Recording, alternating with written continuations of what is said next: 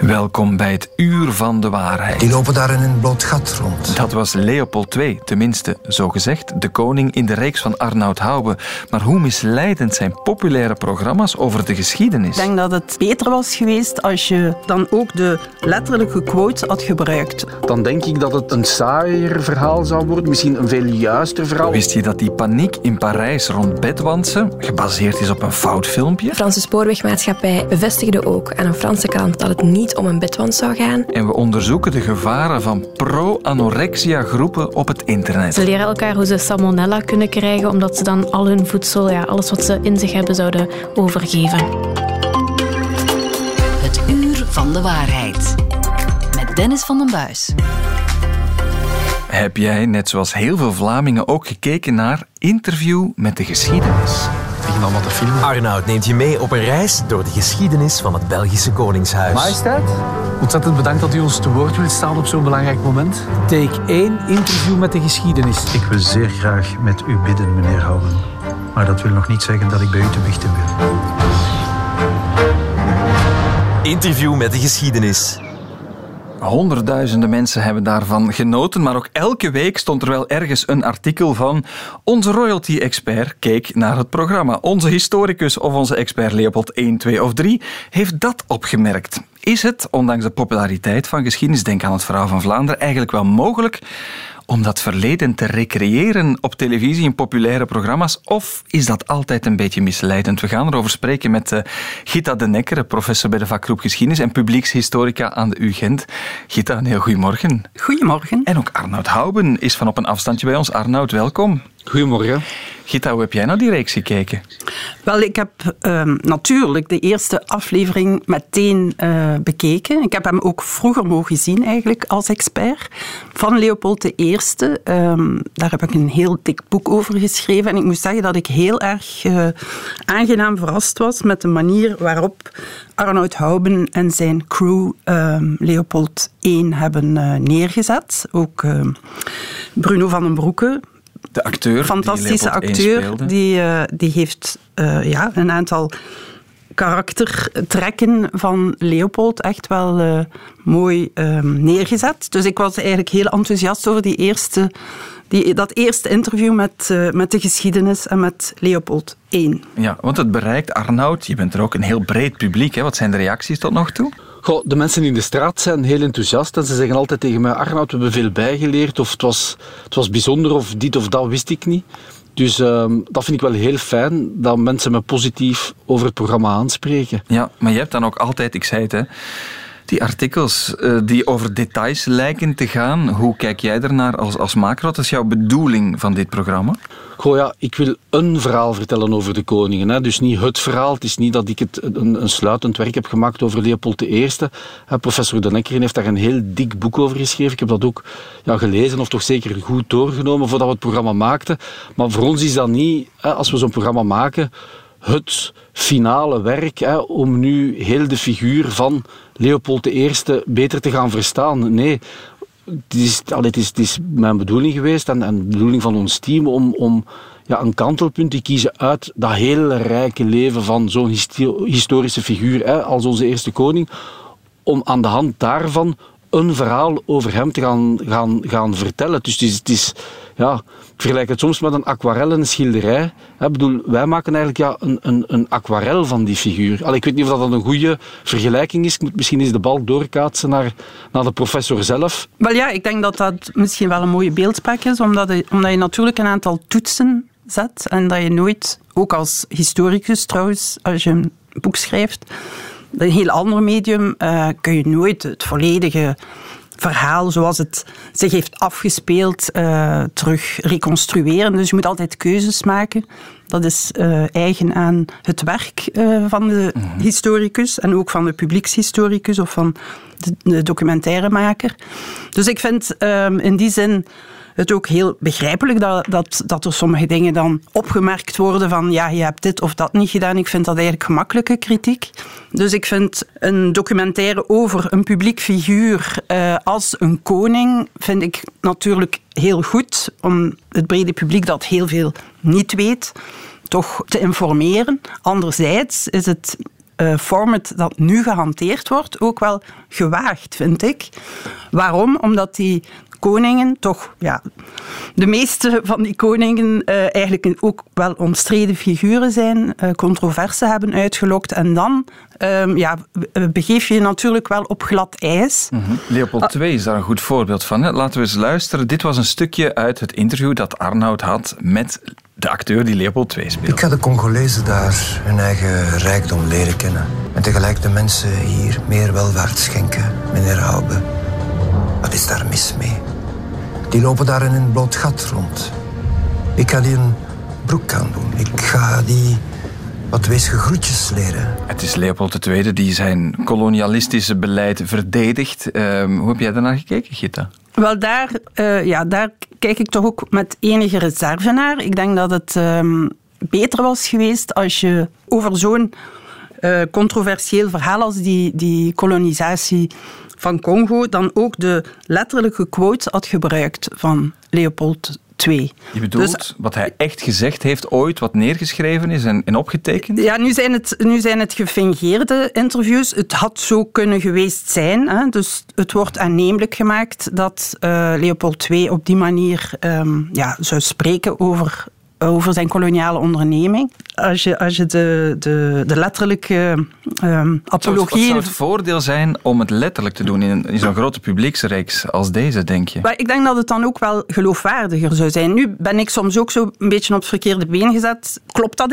eigenlijk wel? Want ja, natuurlijk is dat niet altijd even nauwkeurig. En gebruiken ze ook niet de taal van de tijd. Hè? Dat is iets wat ik ook... Uh, ja, wel, wel heb opgemerkt dat je, dat je nooit um, de taal van de tijd kunt uh, opwekken als je zo een, uh, een, figuur laat spreken. Maar daarin zitten misschien de nuances. Ja, Arnoud, als, als maker heb je natuurlijk keuzes gemaakt. Uh, waarom heb je je niet eigenlijk aan de historische quotes gehouden, hoor ik Gita hier zeggen? Goed, ja, omdat mijn bedoel, ik, ik beschouw mij ook als een human interest verteller. Hè? Dus iemand die, die portretten maakt van mensen in dat kader van die geschiedenis. Dus alleen voor mij gaat het echt wel om, om het dramatisch moment alleen, zo goed mogelijk te maken en eigenlijk ja, een beetje inzicht te geven in die figuur. Dus dat, dat is mijn, mijn, mijn hoofdbedoeling um, geweest. En ik denk als ik me dan echt aan de letterlijke quotes ga houden, of als ik alles helemaal op de apothekersweegschaal zeg van wat heeft u nu net gezegd en op welke manier.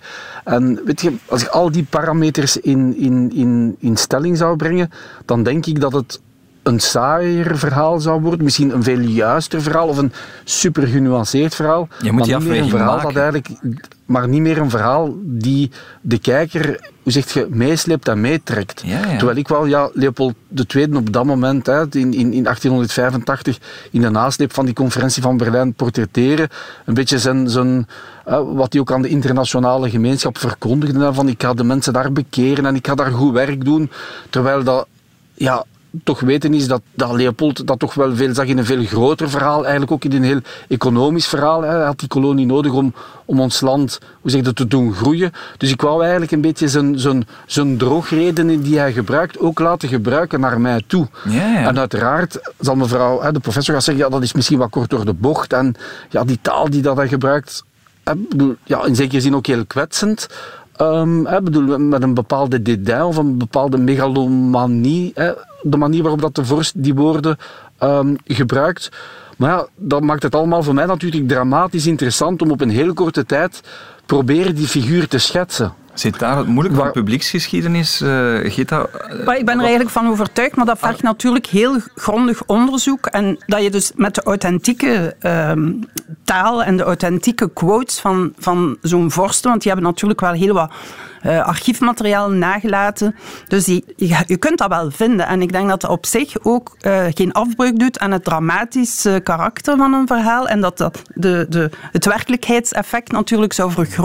Maar zit daar ook niet het moeilijke in? Want we zouden dit kunnen vertellen over... Nu gaat het over Leopold II, maar er zijn details over Albert I, details over Leopold III naar buiten gekomen. Is dat niet het moeilijke? Publieksgeschiedenis wil een mooi verhaal vertellen dat beklijft en dat veel meer mensen bereikt dan dan ja, de historische boeken en de werken die daarover geschreven worden. Is dat een gevaar dat, dat dit nu meer voor waarheid wordt aangenomen misschien dan de letters die jij geschreven hebt, Gita?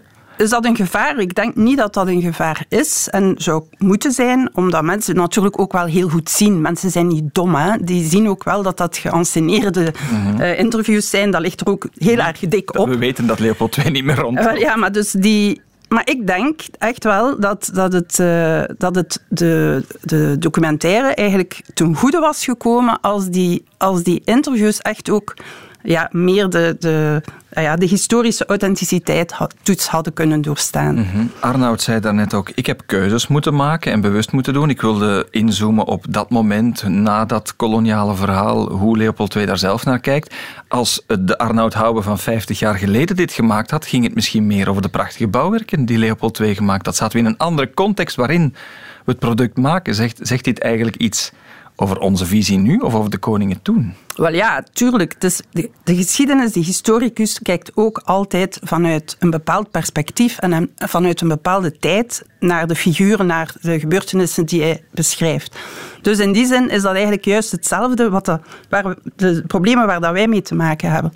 En ehm, de kennis die we hebben over Leopold II is natuurlijk ten opzichte van 50 jaar geleden ook heel erg uitgebreid. Er is veel onderzoek geweest. De, de koloniale en decolonisatiebeweging heeft natuurlijk ook veel meer die, die misstanden en die gruweldaden eh, aan het licht gebracht dan ja, 50 jaar geleden werd die, werd die figuur natuurlijk nog altijd in sommige kringen opgehemeld. Dat, dat kan nu niet meer. Dat zou, dat zou raar zijn als je dat, als je dat nu nog zou proberen. Ja, dus eigenlijk ieder maakt een document over zijn eigen tijd, ook door terug te kijken met een bril naar, naar het verleden. Want Arnoud, jouw reeks heet Interview met de geschiedenis. Ik denk dan tactisch als maker. Er zijn nog veel geschiedenissen die je kan doen los van de koning. Is het een reeks die een vervolg krijgt in een ander tijdsvak of met een andere focus? Goh, zeg nooit nooit. Hè. Eh, ik, heb nu op, op dit moment geen concrete plannen. Ik zou toch nog even willen verder bouwen ook op wat dat de professor zei. Want, want de geschiedenis is inderdaad een, een, een, wetenschap hè, waar dat gebeurtenissen, data, onderzoek en wat dat heel belangrijk is. Maar ik denk voor het bredere verhaal van, van geschiedenis, want geschiedenis is natuurlijk ook van ons allemaal, is niet enkel van de wetenschappers die er dagdagelijks um, super professioneel mee bezig zijn. Dus de geschiedenis is ook wel, heeft toch ook ergens een, een vak van gevoel of van verbeeldingskracht of van inleving. Allee, dat is toch, denk ik ook, waarom dat geschiedenis zo populair is bij heel veel mensen. En om net in die plooi te gaan zoeken van de geschiedenis, hè, van in dat gevoel, in die verbeeldingskracht, dat is toch ook een belangrijke parameter. En die wordt nu vaak zo afgedaan als, mocht je dat wel doen? Stoort jou dat? Mocht je daar dat wel is de toon komen? in al die artikels wel, hè? In veel artikels, ja. Allee, ik vind het dan soms spijtig dat daar ook niet eens de kracht van wordt gezien. Maar. Maar ik kan daar eigenlijk alleen maar mee akkoord gaan met wat, wat Arnoud nu zegt. En dan zeker in, het geval van die koningen, hun privé, hè, de, de fascinatie voor koningen, heeft heel vaak te maken met die, die private roddels. En Vandaag, Amour- de boekjes staan er vol van, ook vandaag. Wel ja, maar dus daar heb je het verschil tussen de koning als persoon en de, koning, en de functie van de koning. Die spanning is interessant. Dus als je de koning dan reduceert tot enkel de persoonlijke verhaaltjes, Dan vind je dat jammer vanuit jouw vak. dan vind ik dat jammer. Is het eigenlijk geen illusie dat we de geschiedenis zoals hij was kunnen recreëren? Moeten we dat niet loslaten? Rond, wat is het, in de jaren 1800 hebben ze ook middeleeuwse kastelen opnieuw gebouwd die helemaal niet middeleeuws waren.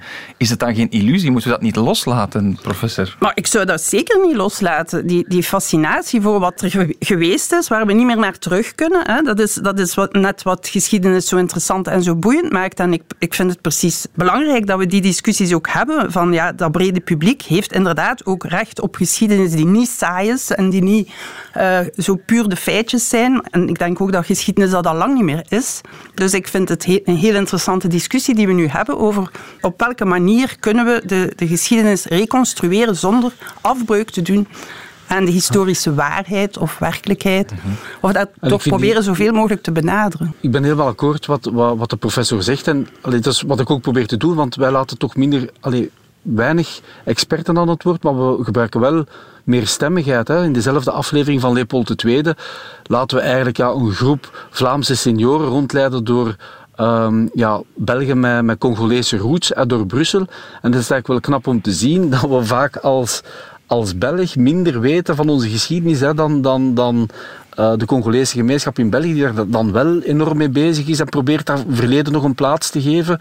En dat we bijna onze geschiedenis van hè, hen ehm, hoe zeg je, te horen krijgen. Dat vond ik dan ook heel interessant om in het programma aan bod te laten. Dat je een keer die hele andere hoek van de vertelling hoort. Dus ik vind meerstemmigheid in hoe dat geschiedenis verteld wordt ook belangrijk. Mhm. Net zoals ik bij Leopold III op een gegeven moment heel Leopoldistische stemmen heb laten horen, maar ook hè, diep in Luik, hè, de socialistische stem die, die, die echt anti-Leopold eh, vertelde. En het is vaak in die meerstemmigheid dat de waarheid ligt. Ja. En die ding moeten kanon we- van stemmen. Eén ding moeten we samen vaststellen. Het gaat heel vaak over geschiedenis tegenwoordig. Het verhaal van Vlaanderen, de kanon. We hebben toch een drang om met dat verleden bezig te zijn, ook voor een breed publiek. Ja, zeker. En wat, wat Arnoud daarnet zegt over die meerstemmigheid, ik denk dat dat inderdaad is wat we nu moeten doen. Dus het feit dat er in eh, dit programma geen experten aan bod komen, vind ik ook een heel leuk, eh, interessante keuze. In die zin dat er komen eigenlijk ook geen kroongetuigen aan, aan het woord, maar, maar mensen die zo'n beetje vanuit de rand de dingen hebben gezien en, en meegemaakt. Dus ik vind dat, dat zijn keuzes die, die ik ook zelf zeer, goed vind. Ook de, de, het terugkeren naar de plaatsen, de plaatsen van de herinnering, vind ik ook... Dat, dat maakt het ook allemaal heel, heel sterk. Hè? En hoeveel mensen heb je ermee bereikt, Arnoud? Goh, het schommelt. Ik denk op weekbasis dat een, een klein miljoen mensen eh, het programma volgt. Kijk, Fantastisch. laten we hiermee afsluiten. Een fantastische manier om met geschiedenis bezig te zijn, met al die lagen die erin zitten en bedenkingen, ieder vanuit zijn invalshoek. Maar we hebben het toch maar mooi over de koningen gehad en misschien iets bijgeleerd met alle nuances. Arnoud Houwe, de maker, dankjewel. Dankjewel. En Gita de Nekkeren, professor publieksgeschiedenis bij de UGent, ook dank voor je komst. Dankjewel. Het uur van de waarheid. De VRT Nieuwscheck. Tijd voor de man naar wie iedereen luistert, behalve zijn kinderen, weet ik uit goede bron. Luc van Bakel, onze chef factchecking. Goedemorgen. Goedemorgen, ja, bij deze is dat al gefactcheckt en bevestigd, Dennis. ik heb brongeheim, ik zeg niets. Luc, we gaan het hebben over dat verhaal van die bedwantsenplaag in Parijs. Daar is het laatste nog niet over gezegd. Nee, want eh, wat zagen we de voorbije dagen is die gigantische invasie die daar in Parijs zou hebben plaatsgevonden van die verschrikkelijke bedwantsen. Het stond in alle kranten. Paniek. Paniek. Hè. Mensen stelden zich vragen of ze nog wel naar Parijs konden afreizen. Mensen begonnen ook al een beetje te vrezen voor die Olympische Spelen van volgend jaar. Ja, ja, juist. Uiteraard in een toeristenstad als Parijs schiet dan ook de politiek in actie. en waarmee is dat hele verhaal nu begonnen met een aantal beelden op sociale media. Onder meer van een foto op een eh, metrostel. Op dat metrostel zie je dan een, een insect kruipen, ergens waar ongeveer de eh, chauffeur daarvan zit. Ja. Maar... En dan komen we bij de maar. Bij die foto, waar het allemaal mee begon, worden wel wat vragen gesteld. Eh, dat zegt Nele Baaiers van onze checkredactie. Wel, de ophef rond de bedwansen begon inderdaad met die foto. Eh, de foto werd zo'n 110.000 keer bekeken. Maar wat blijkt nu? Verschillende experten twijfelen of het wel degelijk om een bedwans gaat.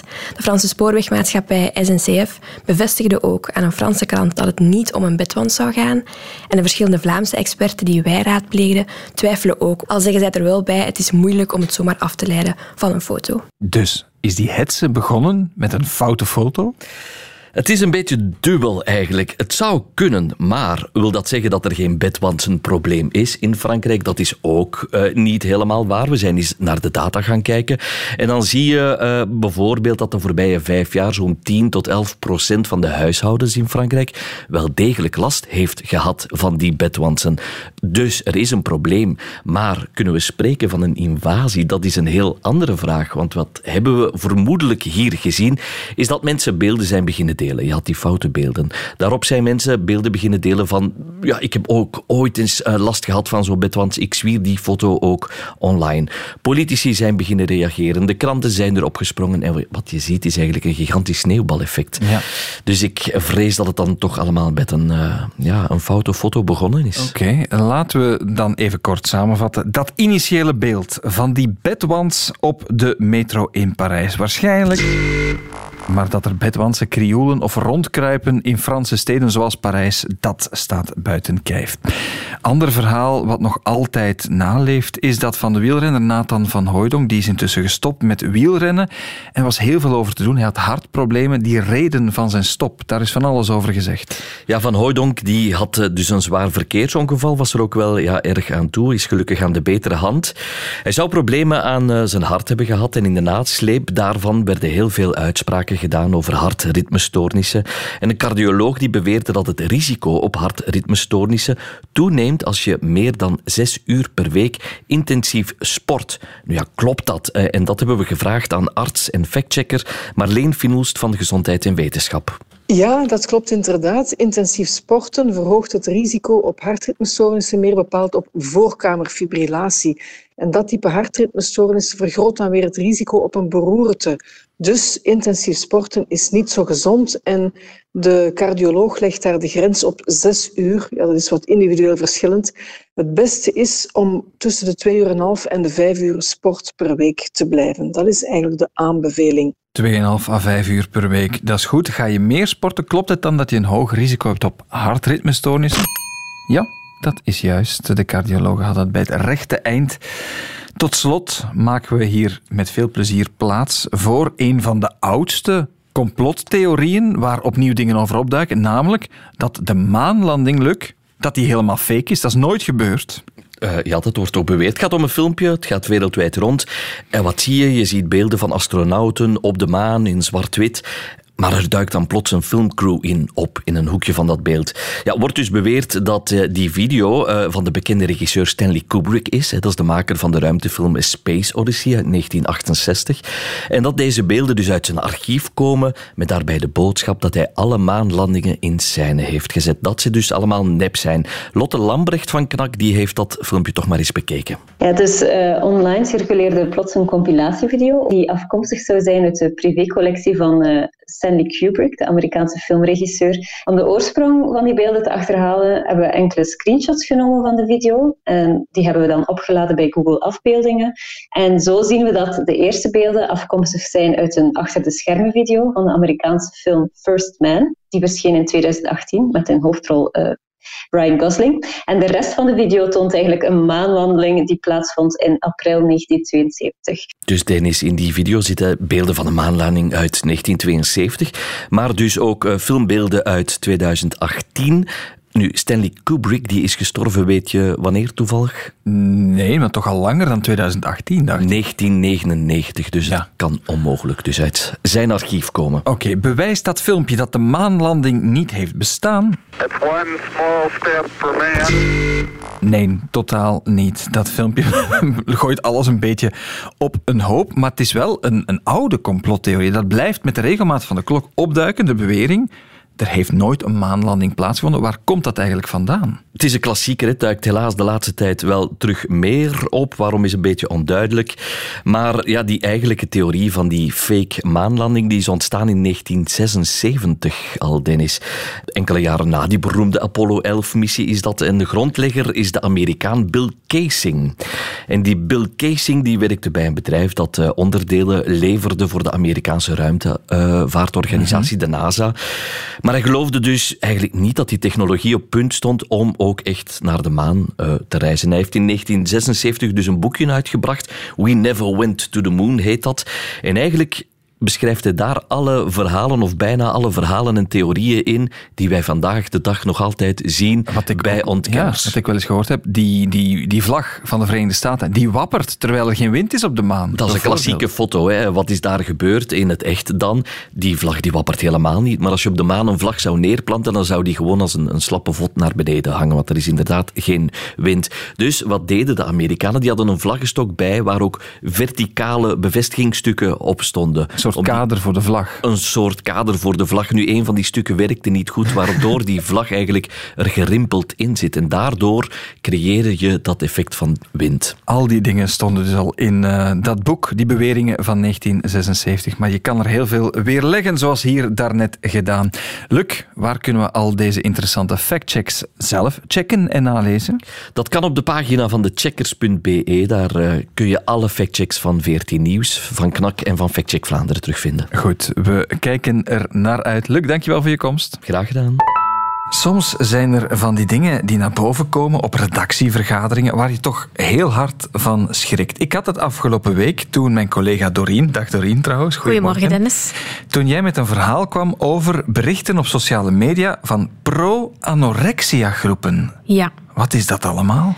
Wel, um, het zijn eigenlijk um, allemaal berichten en video's op sociale media als TikTok, Instagram, maar ook Telegram en Snapchat, waar dat eigenlijk ja, pro-anorexia pro um, berichten terechtkomen. En wat is dat nu eigenlijk? Pro-ana of pro-anorexia staat voor professioneel anorexia. En dat is eigenlijk een soort van online beweging die op sociale media berichten verspreidt die eigenlijk heel positief zijn over anorexia nervosa, terwijl het eigenlijk wel een een eetstoornis is waar ja, jongeren en uh, volwassenen mee voor behandeld moeten worden. Mhm. En die berichten gaan eigenlijk vaak um, magere mensen, dunne mensen, heel weinig eten, heel veel afvallen, verheerlijken. Ja, en wat zie je dan? Zijn dat tips die ze elkaar geven? Zijn dat gewoon modellen die er heel mager uitzien? Wat moet ik me daarbij voorstellen? Dat kunnen verschillende dingen zijn. Je hebt inderdaad op TikTok bijvoorbeeld video's van heel magere modellen met miljoenen views en waar je bij ziet dat ja, heel veel jongeren in de reacties gaan reageren. Dat ze er ook zo dun willen uitzien en dat ze tips vragen aan anderen om er zo dun te kunnen uitzien. Um, maar je ziet ook bijvoorbeeld ja, video's van uh, jonge vrouwen met miljoenen volgers die tonen hoeveel ze eten op een dag. En vaak zijn dat heel weinig calorieën, um, wat zij dan eigenlijk op een dag opeten. Um, en aan de andere kant, naast TikTok, zien we ook wel dat er op Snapchat en Telegram iets kleinere kanalen zijn, waar dan jongeren elkaar ook ja, op heel extreme manieren gaan aanspreken. Ja, je hebt ook onderzocht hoe grootschalig dat is. Bij wie komen deze berichten terecht? Ja, berichten over um, magerte en afvallen zijn eigenlijk berichten die heel veel jongeren in het algemeen bereiken. We hebben recente cijfers daarvan. Blijkbaar bijna de helft van de jongeren in Vlaanderen en Brussel hebben het afgelopen jaar berichten gezien die dus eigenlijk afvallen en diëten promoten. Mhm. Die dus ook als pro-Anna kunnen gezien worden. Nu, um, niet elke jongere gaat daardoor beïnvloed worden natuurlijk, maar je ziet wel dat jongeren die met een eetstoornis kampen vaak erg beïnvloed worden en eigenlijk nog erger in die eetstoornis gaan vallen door die berichten. Ja, want je, je moet misschien wel het onderscheid maken. Je hebt heel veel accounts die met fitness en gezondheid bezig zijn. Dit gaat vaak een stapje verder. Ja, dus die, bijvoorbeeld die fitness-accounts inderdaad, vaak zijn die best onschadelijk. Je hebt ook wel fitness-influencers die wel heel schadelijk zijn, maar je ziet wel dat als je die video's meer en meer gaat bekijken, dat het algoritme van TikTok bijvoorbeeld jou nog altijd toch wel schadelijke eh, video's opeens ook gaat tonen. Oké.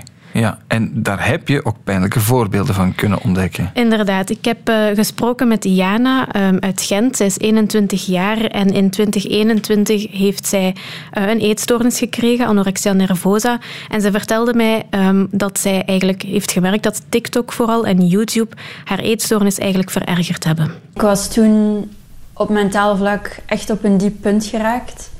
En dan begon ik steeds meer op sociale media vlucht te zoeken en steeds meer beginnen scrollen. En ik kwam dan in contact met fitfluencer content. Dat zijn eigenlijk mensen die heel vaak gaan fitnessen, maar dan ook advies delen over hoe je gezonder kan eten, minder kan eten, welke sporten dat je moet doen om heel snel af te vallen. En ik wou dat ook proberen, dus ik ging daarin mee. Ik nam al die adviezen op, waardoor ik zelf snel heel veel kilo's verloor. En uiteindelijk niet meer kon sporten. Ik kon niks meer doen. Ja, ze begint daaraan vanuit gezondheidsoverwegingen, belandt met een ziektebeeld en met gezondheidsproblemen. Het gaat heel ver, hè? Ziekte wordt op die kanalen vaak ook verheerlijkt op een of andere manier. Ja, dus ik, we hebben naast dus die TikTok-video's, die al dan niet ja, soms nog wel onschuldig kunnen zijn, maar tot ergere content kunnen leiden, hebben we ook nog ja, meer verborgen groepen gevonden op Telegram en Snapchat. Vaak zijn er eigenlijk jongeren die via TikTok elkaar laten weten: ik heb een, TikTok, ik heb een Snapchat-account, een Telegram-account, mhm. waar we in een kleinere groep elkaar eigenlijk ja, vaak op een bijna beledigende manier aanmoedigen om af te vallen. Ze gaan elkaar dik noemen, ze gaan zeggen van jullie moeten echt wel tegen eind deze maand zo veel afvallen. Of ze leren elkaar, dat is een van de recentste voorbeelden die we hebben gezien, ze leren elkaar hoe ze salmonella kunnen krijgen, omdat ze dan al hun voedsel, ja, alles wat ze in zich hebben, zouden overgeven. Dat gaat heel ver. Je kan dat vaststellen online. Is de vraag, je hebt Jana gesproken natuurlijk, maar is dat ook iets met grote gevolgen in de praktijk? We gaan nog iemand erbij halen die er dag in dag uit mee bezig is. Ursula van den Ede is coördinator en psycholoog bij de Eetkliniek van het eh, UZ in Brussel. Ursula, goedemorgen. Goedemorgen. Ja, dat is effectief dat, iets dat wij ook horen binnen de kliniek zelf van onze patiënten. Goh, als iemand dat een eetstoornis ontwikkelt, dat gebeurt vaak zo heel geleidelijk aan en, en in het begin heel onschuldig. Hè. Zo wat gezonder beginnen eten en, en door zich slecht te voelen, negatief zelfbeeld, uh, negatief lichaamsbeeld en dergelijke. Um, en eigenlijk gaan die ook vaak op zoek naar um, ja, naar soortgenoten, naar andere mensen die daarmee worstelen en gaan ook kijken van op welke manier kan ik ook gezonder en gezonder gaan leven. En we zien inderdaad wel vaak dat die dan soms ook terechtkomen op websites, uh, op profielen, Instagram-profielen, uh, TikTok-filmpjes uh, en dergelijke. En vaak degenen die daar dingen op posten, dat zijn mensen die nog heel fel zelf in hun eetstoornis zitten. En eigenlijk op die kanalen hoor je gewoon de eetstoornis praten. Hebben die mensen op dat moment al door, Ursula, dat ze ziek zijn?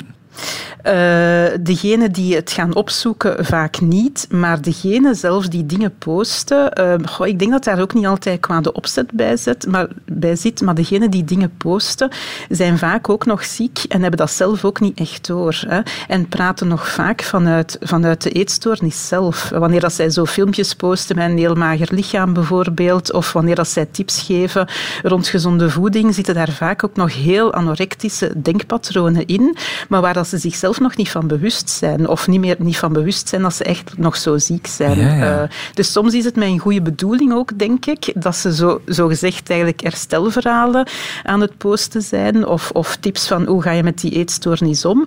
Maar we zien eigenlijk dat dat juist ook de eetstoornis kan triggeren die al sluipend is bij een andere uh, meisje of jongen. En die daardoor nog vaster en vaster kan geraken in die spiraal van die eetstoornis. Want heb je de indruk dat deze kanalen en berichten dat daardoor meer jongens en meisjes ja, met anorexia zich melden? Of dat het enkel mensen bij wie het ziektebeeld misschien al er is, dat het dit versterkt? Um, goh, ik denk dat dat een dubbel is natuurlijk. Omdat uh, ik denk het ziektebeeld bij sommigen waar dat het ziektebeeld al aanwezig is, kan het versterkend werken. Maar we hebben natuurlijk ook om een, jongeren die een eetstoornis ontwikkelen, zijn vaak jongeren die toch wel um, met een aantal kwetsbaarheden zitten. Zoals bijvoorbeeld een heel laag zelfbeeld, laag zelfwaardegevoel, die vaak ook heel perfectionistisch zijn. Echt het maladaptieve perfectionisme. Die heel veel moeite hebben in het omgaan met emoties. Daar op dat moment geen blijf meer mee weten. Ook in sociale relaties het gevoel van geen aansluiting te vinden, zich niet geliefd te voelen. Hè. Vaak met heel wat denkfouten zitten.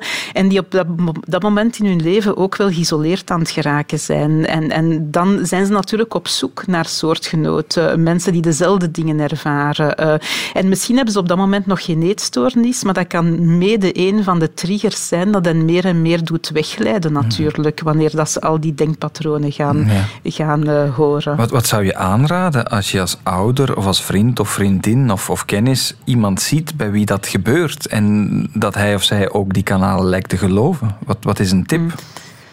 Vooral in gesprek gaan met hen. Want wat we ook zien is, als je die kanalen, als je het echt gaat verbieden en zeggen van je mag daar niet op gaan. We hebben natuurlijk vaak met, met tieners, met pubers nog te maken. Wat dan niet mag, is net ook aantrekkelijk. Hè. Dus het is heel belangrijk van in gesprek met hen te gaan van wat dalen ze eruit, waarom gaan ze op zoek, waar gaan ze naar op zoek. Hè. En dan voldoende goede alternatieven aan te bieden. Want vaak zien we dat het ook is vanuit hun alleen voelen, niet begrepen voelen, uh, erkenning willen te vinden. Hè. Ook, ook, ook, ook, erkenning van waar dat ze zelf mee worstelen. En dan is het heel belangrijk, als het vooral voor die zaken is, van ook mee in te gaan zoeken van wat kunnen andere steunkanalen zijn of andere supporters of andere kanalen waar dat je wel oké okay informatie op vindt. Want -hmm. dikwijls bij een eetstoornis heb je heel wat eetregels, heel wat leefregels die zich ontwikkelen. En het is heel belangrijk dat je bij die jongeren een besef hebt van wat zijn die eetregels, die leefregels, dat je daarmee in gesprek rondgaat, hè, op, een, op een curieuze manier wat bevragen eigenlijk, zonder echt zo'n detectieve te lijken en dat je die dan probeert te corrigeren door hen zelf te laten nadenken erover. Over maar daarvoor te maken moet je natuurlijk, dat, dat ja. wat ze zien op die kanalen misschien wel heel misleidend is en ja. niet de algemene ja. waarheid. Um, Ursula, je zegt je kan dat niet verbieden, maar Doreen... Ze kunnen op sociale media van alles verbieden, zoals haatspraak, zoals tepels op Instagram. Mm -hmm. Waarom kunnen zulke toxische accounts of berichten dan niet ervan afgehaald worden? Of, of zijn ze daar wel mee bezig? Dat is een hele goede vraag, Dennis. Um, ik heb daar uiteraard ook nog wat opzoekwerk naar gedaan. En wat blijkt, de afgelopen jaren hebben sociale media als Instagram en TikTok wel um, ervoor gezorgd dat als je in de zoekbalk pro-Anna of Anna ingeeft, dat je eigenlijk geen video's of berichten zal te zien krijgen, maar um, dat je uh, wel eigenlijk een melding zal krijgen van kijk, zoek je hulp en dan geven ze een link naar bepaalde hulporganisaties. -hmm. Maar daar is toch wel een heel grote voetnoot bij te zetten, want um, het blijkt dat die zoektermen die zij blokkeren eigenlijk toch niet ja, breed genoeg gaan. Als ik bijvoorbeeld in het Nederlands bepaalde termen zal opzoeken, um, ga ze hier niet... Wel, nee, dan kom je er wel bij ja. uit. We gaan ze hier niet... Dat is een beetje zoals de wortel die dan gebruikt werd in tijden van corona om de antivaccinatiesgroepen uh, ja, groepen te inderdaad. voeden. Ja, dus die stond dan inderdaad voor het coronavaccin, maar hier ook hebben die jongeren weer codetaal ontwikkeld om eigenlijk toch video's en berichten te kunnen verspreiden die dan eigenlijk pro-Anna zijn. Maar we zijn bij deze gewaarschuwd. Ze zijn zeer misleidend als je in bepaalde denkbeelden al gedeeltelijk vastzit. En we weten nu uh, hoe we daarmee moeten omgaan, of toch een beetje. Ursula van den Ede, ik ga jou beginnen te bedanken vanuit het UZ Brussel. Bedankt voor jouw duiding. Graag gedaan. En Doreen, ook jij bedankt. Graag tot de volgende keer. Tot de volgende. En daarmee zit deze podcast van het Uur van de Waarheid er weer op. Een co-productie van VRT Nieuws en Radio 1. Wil je meer weten over de wonderenwereld van desinformatie, complottheorieën en fake news? Herbeluister dan alle eerdere afleveringen. Dat kan via de app van VRT Max. Tot de volgende.